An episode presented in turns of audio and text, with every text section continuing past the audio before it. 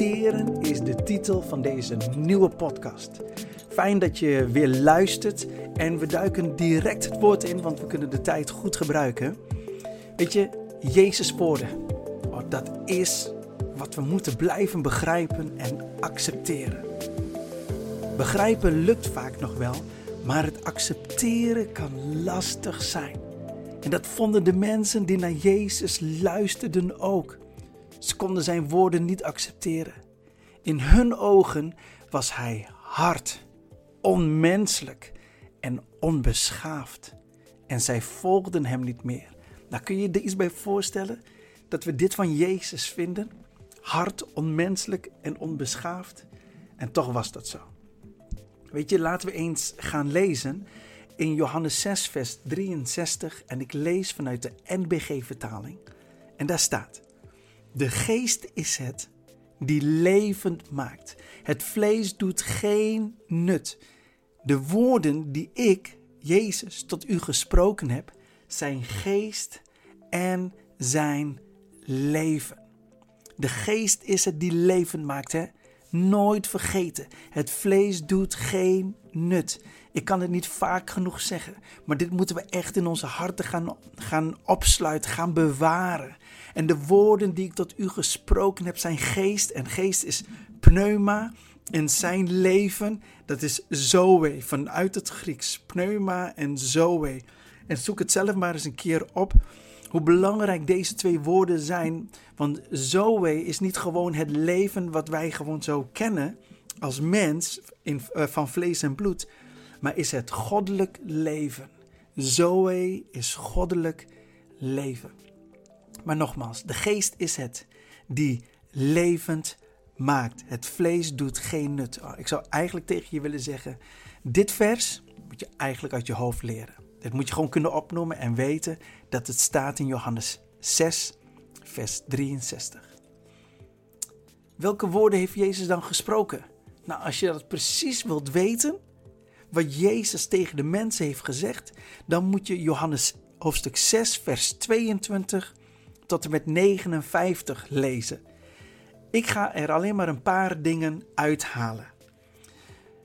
Ten eerste, dat staat in Johannes 6, vers 32. Dit is wat Jezus zegt hè, tegen de Joden. Ik zeg u, niet Mozes heeft u het brood uit de hemel gegeven, maar mijn vader geeft u het ware brood uit de hemel. Nou, even een heel lang verhaal kort. Je moet begrijpen dat dit soort dingen voor de Joden, wat Jezus hier zegt, is echt not done. Zeker niet Mozes. Mozes staat dan ook symbool voor de wet.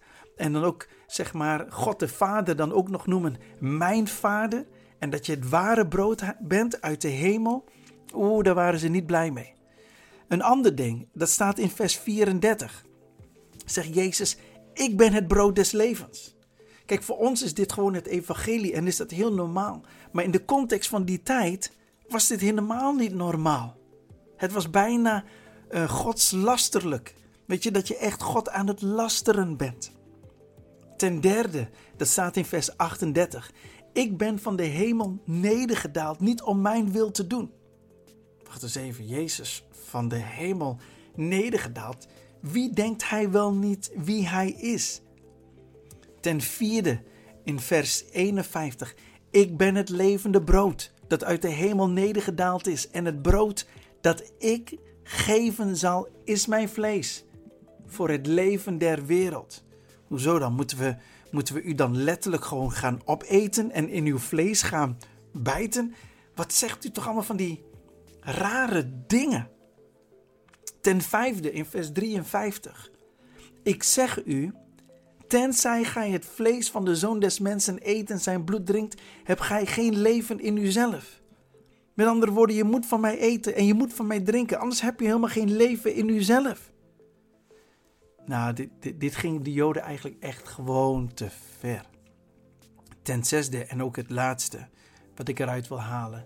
En dat staat in vers 58 van hoofdstuk 6. Wie dit brood eet, zal in eeuwigheid leven. Wauw. Jezus zegt dus gewoon: ah, als je van mij eet, dan zul je gewoon uh, eeuwig leven. En uh, niet zozeer uh, van, van andere dingen. Maar je moet van mij eten. Ja, dat is wat Jezus zegt. En nogmaals, in de context van die tijd hadden de Joden echt zoiets van: man, wat zegt Jezus hier? Kan dit wel? Dit, nee, dit kan niet. Dit kan echt niet door de beugel. Maar deze woorden die ik dus net heb aangehaald, zijn volgens Jezus geest en leven. Hij zegt eigenlijk: wil je mijn woorden begrijpen en accepteren, dan moet de Heilige Geest jou hierbij helpen. Hij maakt het voor jou begrijpelijk en acceptabel. Hij brengt het tot leven. Jouw vlees speelt hierin geen enkele rol. Sterker nog, jouw vlees komt in opstand tegen mijn woorden en dat is dus ook gebeurd. Ik ga het nog één keer voorlezen, omdat ik, ik vind dit belangrijk dat je, het, dat je begrijpt en dat je, dat je onthoudt waarom de Joden zo boos werden ten opzichte van Jezus. Dus Jezus zegt eigenlijk in eh, Johannes 6, vers 63, wat hij zegt is dit. Wil je mijn woorden begrijpen en accepteren, dan moet de Heilige Geest jou hierbij helpen. Hij maakt het voor jou begrijpelijk en acceptabel. Hij brengt het tot leven.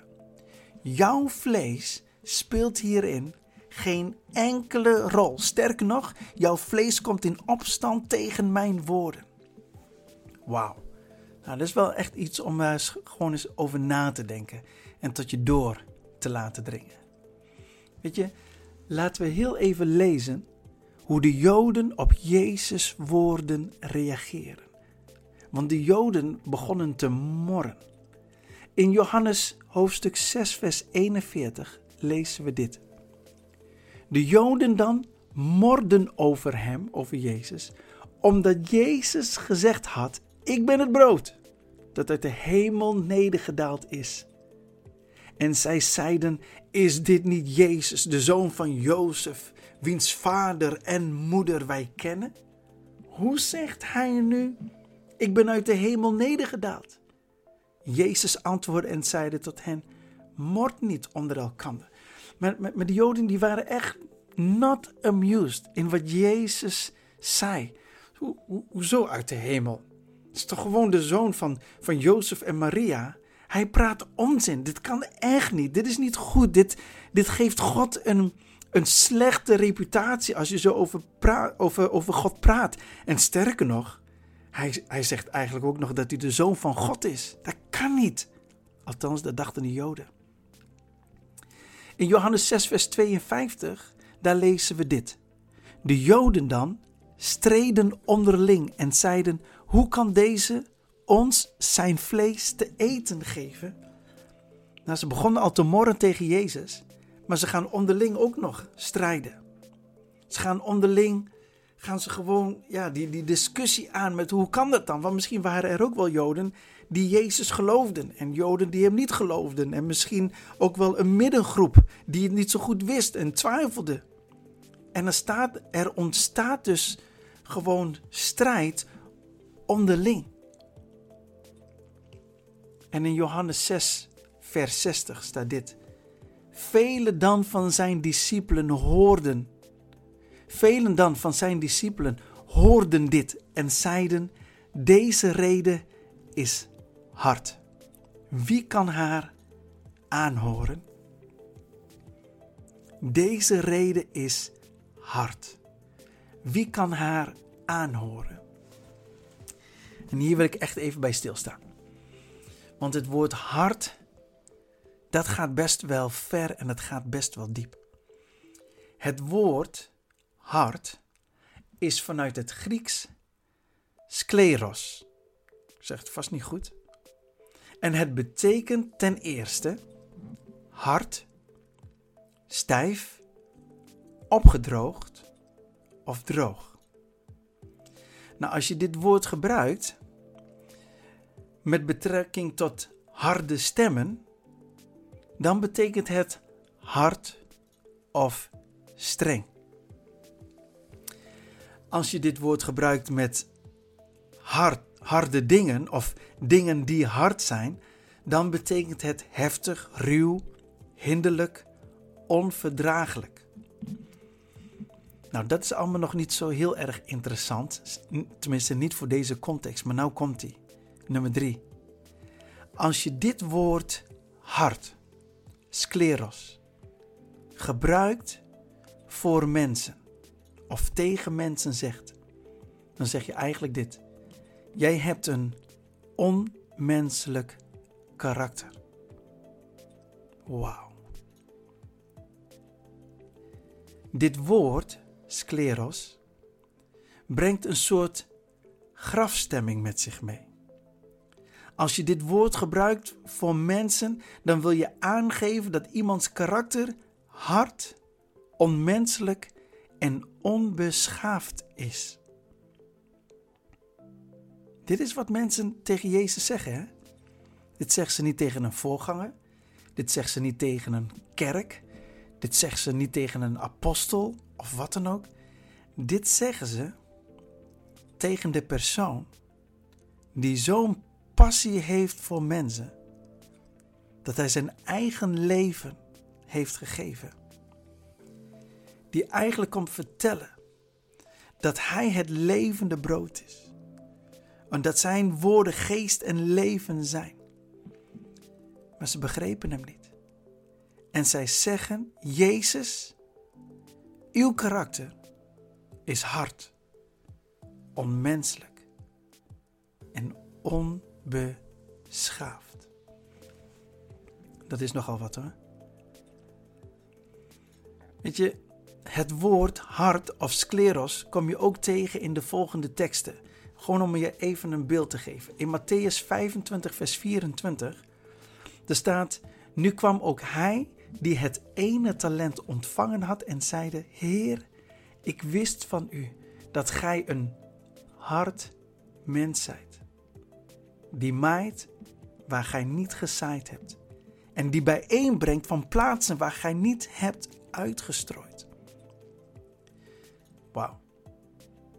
In Handelingen 26, vers 14, daar staat: En toen wij allen ter aarde vielen, hoorde ik een stem tot mij spreken in de Hebreeuwse taal. Saul, Saul. Oftewel later Paulus. Hè? Waarom vervolgt gij mij? Het valt u zwaar tegen de prikkels achteruit te slaan. En hier is het woord hard vertaald met het woord zwaar. Tegen de prikkels achteruit te slaan. Wauw, dat, dat gaat voor deze podcast te ver, maar dat is echt gewoon heftig. Um, als het gaat om de hardheid van de prikkels, de, de onmenselijkheid daarvan. Maar ook wat die man zei met dat ene talent. Ik wist van u dat gij hard was. Ik weet dat je hard bent en onmenselijk en onbeschaafd. Dat, dat is nogal een uitspraak. Dit is, ehm, even voor de duidelijkheid, dit is niet positief hè, als mensen dit tegen je zeggen. Maar de Joden zeiden dit tegen Jezus. Dit zeiden ze. Maar waarom dan? Omdat ze zijn woorden gewoon niet konden begrijpen. Ze konden het niet pakken. Ze konden het niet plaatsen. Oh, en als jij in je geestelijk leven worstelt. En als jij sommige dingen wat God doet, wat Jezus doet in je leven, als je dat niet kan plaatsen, als je het niet kan begrijpen, ja, dan vinden we soms Jezus ook hard. Dan vinden we Jezus onmenselijk. Vinden we echt niet oké. En hebben wij soms ook gewoon het lef, net als de Joden, om gewoon tegen God te zeggen: Ik vind u hard. Ik vind u onmenselijk. Ik vind u oneerlijk. Ik vind niet dat u dit kan maken. Wanneer komt u, als het ware, eens een keer opdagen? Wanneer komt u mij redden? Wanneer houdt dit nou eens een keer op? En ik snap heus wel dat we dat niet altijd zo bedoelen. Maar soms bedoelen we het wel zo. Dat we God gewoon niet kunnen plaatsen. Waarom dan? Omdat wij met een heel vanuit een andere gezindheid kijken. De Joden keken namelijk vanuit een vleeselijke gezindheid. Zij, maar, maar Jezus zegt, maar mijn woorden zijn niet vleeselijk. Ze zijn geest en leven. Dus zolang je, als het gaat om je eigen leven, vanuit je vlees probeert te begrijpen wat God in jouw leven aan het doen is, dan ga je het niet redden. Dan krijg je daar geen antwoord op. Maar als je weer opnieuw je verootmoedigt voor God en erkent dat Hij het brood des levens is, dat wat Hij doet en wat Hij zegt, dat dat goed is, dat Zijn weg de beste is. Oh, maar kunnen we dat nog begrijpen? En willen we het nog accepteren? Dat is de vraag voor vandaag. Begrijpen en accepteren. Ben je daartoe bereid? Of raken we soms toch echt zo gefrustreerd dat we, mag ik het gewoon even zeggen, dat we soms ook best wel grof worden naar God toe. Niet altijd echt in letterlijke, in woorden. Maar soms in onze gedachten. En misschien soms ook wel eens in onze woorden. Maar weet je, God begrijpt jouw situatie veel beter dan jijzelf. God weet veel beter welke weg jij moet bewandelen dan jijzelf. God is veel beter in tijd en in timing dan jijzelf. Als je het zelf zou doen, dan komen de dingen echt pas hard en onmenselijk over. Zelfs hoe je denkt is hard en onmenselijk. Hoe we soms kijken naar anderen, onze ogen zijn hard en onmenselijk.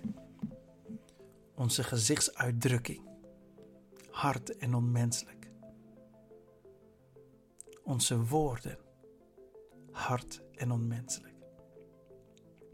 Ik weet heus wel dat dat niet voor jou geldt hoor. maar waar het om gaat is dat we echt gaan begrijpen dat als wij Jezus niet begrijpen, vinden we het heel moeilijk om zijn woorden te accepteren. En mijn oproep door deze podcast is juist om dicht bij Jezus te zijn. Om juist die geestelijke gezindheid aan te doen, ervoor te kiezen, zodat we Hem gaan begrijpen. In plaats dat we in onze vleeselijke mindset en houding blijven hangen. Oké, terug naar de woorden van Jezus. Deze waren voor de Joden zo hard dat ze Hem niet langer meer volgden.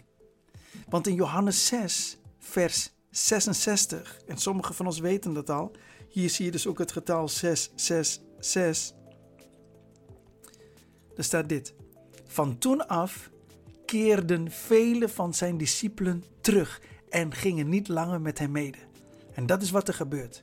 Als wij Jezus niet meer begrijpen, als we het niet meer willen accepteren in wat er gebeurt in ons leven, en vanuitgaande dat dit echt van de Heilige Geest is, hè? Laat, laat ik dat even voorop stellen. Oh, dan, dan zou het maar zo kunnen dat we onze rug toekeren. Dat we niet langer met Hem mee willen gaan. Ja, en misschien zien mensen dat niet aan de buitenkant en zijn we wel present en zijn we wel in de kerk, maar in ons hart hebben we ons al afgekeerd van Hem. In ons hart volgen we Hem al helemaal niet meer. Maar God laat niet met zich spotten, hè? En God is echt niet gek om maar zo te zeggen. Hij weet wat er in je hart speelt. Hij weet hoe je denkt. Hij weet wat je zegt. Hij weet wat je zegt met je hart. Het gaat er niet om dat we dat aan de buitenkant kunnen zien, want dat kunnen de mensen om jou heen toch niet zien. Ik kan het niet zien. En ik hoef het ook niet te zien, want het gaat niet om mij, maar het gaat om jouw leven met God. En God ziet letterlijk alles. Hmm. De Joden hoorden Jezus woorden, maar konden die niet accepteren. Hun vlees zat hun in de weg. Wat moeten wij anno vandaag concreet doen? Beseffen dat Jezus woorden alleen begrepen en geaccepteerd kunnen worden met hulp van de Heilige Geest. Er is geen andere manier. Jezus zegt letterlijk: het vlees doet geen nut. Dus we moeten de relatie met de Heilige Geest nog meer gaan opzoeken. Nog meer. Als we dit niet doen, dan krijgt het vlees vroeg of laat de overhand. Weet je wat er dan gebeurt? Heb ik net al een beetje gezegd, hè? Dan worden we hard, stijf en raken we opgedroogd, de woestijnperiode. Het is zelfs mogelijk dat er een soort grafstemming om ons heen komt te hangen. Op een gegeven moment worden we vanzelf wel hard, onmenselijk en onbeschaafd. Maar dit laten we ons niet gebeuren. Hè? Vandaag strekken we ons nog meer uit naar de Heilige Geest op basis van het volbrachte werk van Jezus Christus. Hij, de Geest, is het die levend maakt. Oh, ik hoop zo dat je dit woord niet tot je laat komen in een vorm van beoordeling of van veroordeling, maar veel meer een oproep om jezelf te onderzoeken. Waar ben je? Zit je aan de vleeselijke kant of zit je aan de geestelijke kant? Zodat we voorkomen dat wij hard, onmenselijk en onbeschaafd worden. En wat de Joden deden, de Joden zeiden: Deze woorden zijn hard, Jezus. U bent hard, u bent onmenselijk en u bent onbeschaafd. Maar laat dit niet gebeuren in jou en in mijn leven. Heer Jezus, wij erkennen dat u een rechtvaardige God bent. Wij erkennen dat u een gepassioneerde God bent. En dat u, Vader, gewoon uw zoon hebt gegeven aan ons om te sterven aan het kruis. Uit passie voor ons, uit liefde voor ons. U bent juist helemaal niet hard en onmenselijk en onbeschaafd. Nee, Heer Jezus, u bent degene die voor ons door het vuur heen is gegaan. U houdt van ons. God is liefde. Heilige Geest, ik wil erkennen dat u God, de Heilige Geest, bent. Dat u in mij woont en dat ik de woorden van Jezus alleen kan begrijpen als u ze tot leven blaast. U bent het um, die het levend maakt. En ik wil uw woorden snappen. Ik wil uw woorden begrijpen. En ik wil geen woestijn zijn, maar ik wil in het paradijs vertoeven. Nu al, nu ik nog op deze aarde ben.